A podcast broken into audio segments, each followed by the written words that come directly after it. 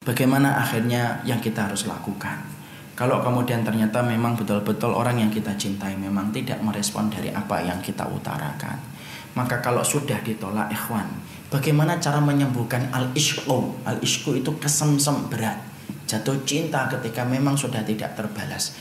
Akhirnya orang yang antum inginkan bersanding dengan seorang lawan jenisnya, seorang laki-laki atau seorang perempuan, ada beberapa hal. Kalau itu sudah terjadi, stop supaya kemudian tidak menderita frustasi dan depresi berkepanjangan. Apa yang harus dilakukan? Para ulama lalu kemudian menyampaikan kepada kita ada beberapa hal. Yang pertama, tinggalkan dia dan jangan pernah mengakses berita apa pun yang datang darinya. Al-ba'idu anil ani ba'idun anil qalbi. Ada sebuah kata-kata hikmah dalam bahasa Arab.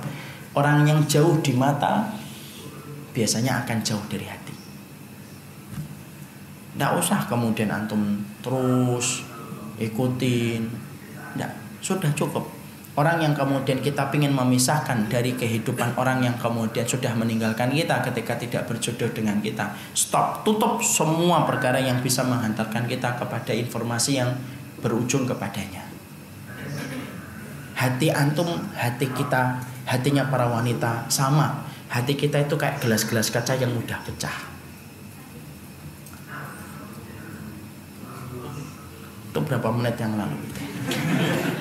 Maka kemudian kalau hati kita mudah pecah, tutup semua informasi supaya setan kemudian tidak menjadi penumpang gelap dari perasaan kita yang berkecamuk disebabkan kita tidak mengikuti apa yang disampaikan di dalam petunjuk untuk menyembuhkan kesamsemnya hati kita. Stop semua informasi yang berkaitan tentang dirinya. Yang pertama. Yang kedua, yaitu adalah pikirkan keburukan dari orang itu. Paham ya? Pikirkan keburukannya. Abdullah bin Mas'ud kemudian mengatakan, "Idza a'jabta, idza a'jabata, idza a'jabat ahadukum imra'ah falyadkur manatina." Abdullah bin Mas'ud itu mengatakan, "Idza a'jabatka imra'ah Faliyat kurmanatina. Kalau kamu itu kagum sama orang, sama seorang wanita, dan ternyata wanita itu tidak menjadi jodohmu atau laki-laki tidak menjadi jodohmu, faliyat kur, kamu ingat-ingat keburukannya. Ingat kalau tidur ngeces, ngorok, mungkin memikirkan maaf kentutnya. Maaf ya, saya dulu di pondok. Karena antum tahu kalau di pondok Salah satu di antara pelanggaran berat itu berinteraksi dengan lawan jenis. Saya masih ingat ada seorang ustadz kita dari kesantrian yang selalu mengkondisikan kita supaya kita tidak sampai berinteraksi karena pondok tahu kalau seorang laki-laki sudah tersengat dengan virusnya cinta sebelum waktunya maka pasti stadinya itu terganggu.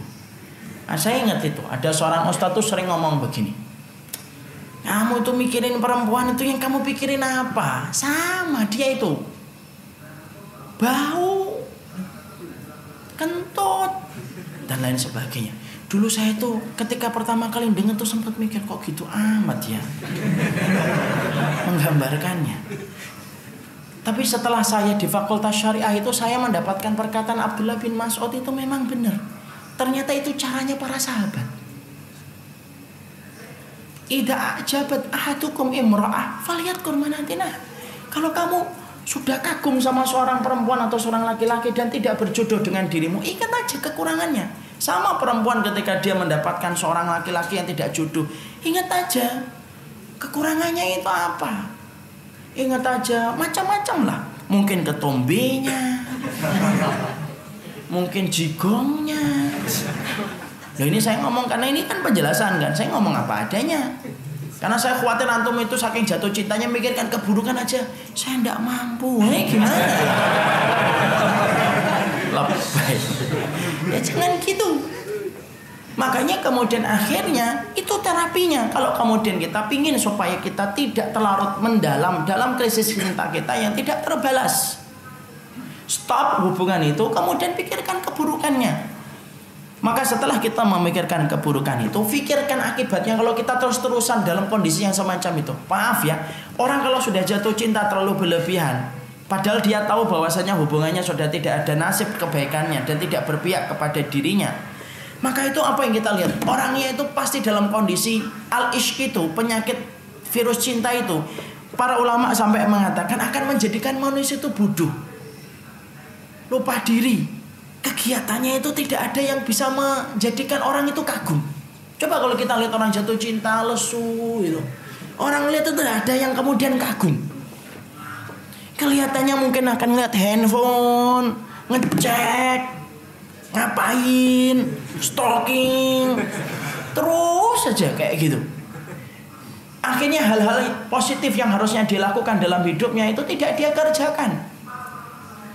Makanya it, ini kayak kita berpacu ini. Makanya kemudian akhirnya menjadikan apa? Kalau kita mikir semacam itu, maka akhirnya itu yang kemudian kita dapatkan dalam kualitas hidup. Makanya maaf ada seorang bapak-bapak, saya cintai bapak ini karena Allah, tapi beliau pernah tersengat dengan penyakit kasmaran yang luar biasa. Itu saya tanya, Pak, coba deh bapak mikir. Saya tanya, bapak ini kan sudah menikah. Nih sekali lagi kita ngambil ibrah. Beliau ini orang baik insya Allah. Kita ngambil ibrah saja. Dia kesemsem dengan seorang wanita lagi setelah menikah. Saya tanya ini saya ngomong ya nih Pak, maaf ya ini saya ngomong antara sama laki-laki dengan laki-laki nih. Saya tidak usah panggil Ustaz dulu Pak. Saya pengen ngomong laki-laki. Saya ngomong Bapak ini, eh lu itu kalau ketika sudah jatuh cinta, lu yang lamu yang lu yang lu lakuin apa aja? Kamu ngeliatin, ngecek, ngeliatin handphone, ngecek WA, berharap bahwasanya dia tidak akan meninggalkan kamu. Betul nggak kayak gitu Pak? Beliau di ujung telepon ngomong, iya Ustaz. Tuh Pak, coba kalau kemudian itu direkam terus Bapak ngeliat sendiri. Dan itu disaksikan sama anak malunya diri kita. Makanya penyakit jatuh cinta itu kalau kemudian kita tidak memikirkan akibatnya, pasti seorang laki-laki itu maskulinnya hilang. Kalau kemudian dia sudah jatuh cinta, kemudian ketika dia larut dalam cinta itu maskulinnya hilang. Visi misi besar hidup seorang laki-laki itu menjadi berantakan gara-gara seorang wanita. Sebagaimana perempuan, dia memiliki visi misi, yang besar itu hilang seketika kalau dia sudah memikirkan lesu gitu. Makanya maaf ya, tidak usah jatuh cinta sama laki-laki yang di sekitarnya. Perempuan itu kalau jatuh cinta sama bintang-bintang yang kemudian mereka idolakan, K-pop ataupun yang lainnya, itu kalau kita ngeliat tuh kadang-kadang kan lucu gitu, teriak-teriak. Gitu. sampai kadang-kadang teriakannya itu membaca ayat Fabi ayyi ala Gimana sih? Saya baca itu di IG-nya Fuad Bah. Mana Fuad Bah ada Oh mau ngelihat laki-laki nggak mahram, nggak sama muslim, nggak sama-sama mukmin berteriak jingkrak-jingkrak kayak kemudian tidak jelas itu oh, baca ayat fabi dan orang yang melakukan itu sadar atau tidak sadar? Tidak sadar. Siapa yang sadar ketika melihat kelucuan itu? Orang lain. Makanya Imam Ibn Qayyim lalu menjelaskan, itu loh penyakit asmara kalau dibuat berlarut-larut itu, ya kayak gitu itu. Malulah kita melihat diri kita yang semacam itu. Dan akhirnya banyak masalah besar itu rontok gara-gara masalah itu. Makanya maaf ya, banyak tokoh itu biasanya dihancurkan melalui titik lemah bernama wanita. Nah, itu yang harusnya menjadi sejarah terus berulang masalah perempuan itu selalu menjadi titik lemahnya dan akhirnya menjadi perkara yang bisa merontokkan kehebatan seorang laki-laki lalu kemudian sudah meninggalkan dia kemudian kita memikirkan keburukannya memikirkan akibat kalau kita sampai terlarut-larut ketika kesamsem sama dia. Yang keempat berdoa. Ada doa yang kemudian diajarkan oleh Rasulullah dalam hadis riwayat Tirmidzi. Allahumma inni a'udzubika min syarri sam'i wa min syarri basari wa min syarri lisani wa min syarri qalbi wa min syarri maniyi doanya Rasulullah dalam riwayat Tirmidzi itu bagus banget ya Allah aku berlindung dari keburukan pendengaranku keburukan penglihatanku keburukan lesanku keburukan hatiku dan keburukan air maniku.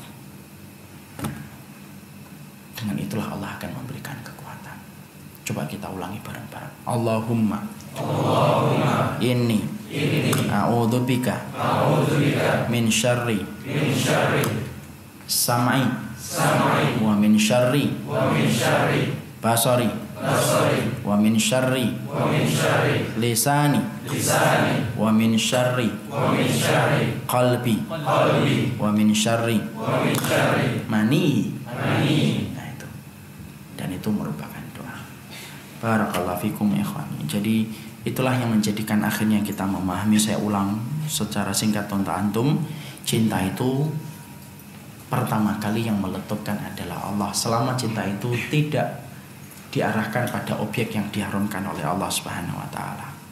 Yang kedua, cinta itu beriringan dengan takdir yang terbaik yang Allah berikan. Yang ketiga, cinta itu kalau sudah terlalu berat itu penyakit. Dan sesungguhnya penyakitnya tidak ada obat kecuali menikah. Iya kalau itu jodoh kita. Kalau enggak, maka itu akan berlarut-larut. Semakin banyak maksiatnya ketika cinta sudah dilakukan oleh Allah, maka semakin berat untuk mengobatinya. Yang keempat, kalau antum pernah ditolak, maka fahami bahwasanya Rasulullah pun pernah ditolak oleh seorang wanita mulia yang bernama Ummu Hani. Dan kemudian yang keenam, bagaimana cara kita untuk menghilang dari orang yang yang menolak kita. Satu, tutup semua akses dan informasi yang mengarahkan kepada dirinya. Dua, bagaimana kita mengingat keburukan dan kejelekan-kejelekannya. Tiga, memikirkan akibat yang kita dapatkan kalau kita akhirnya menjadi orang yang tidak ada kualitas hidupnya gara-gara jatuh cinta secara berlebihan kepada seorang yang tidak menjadi jodoh kita. Yang keempat, banyak berdoa di waktu mustajab supaya Allah mengganti kita dengan sesegera mungkin.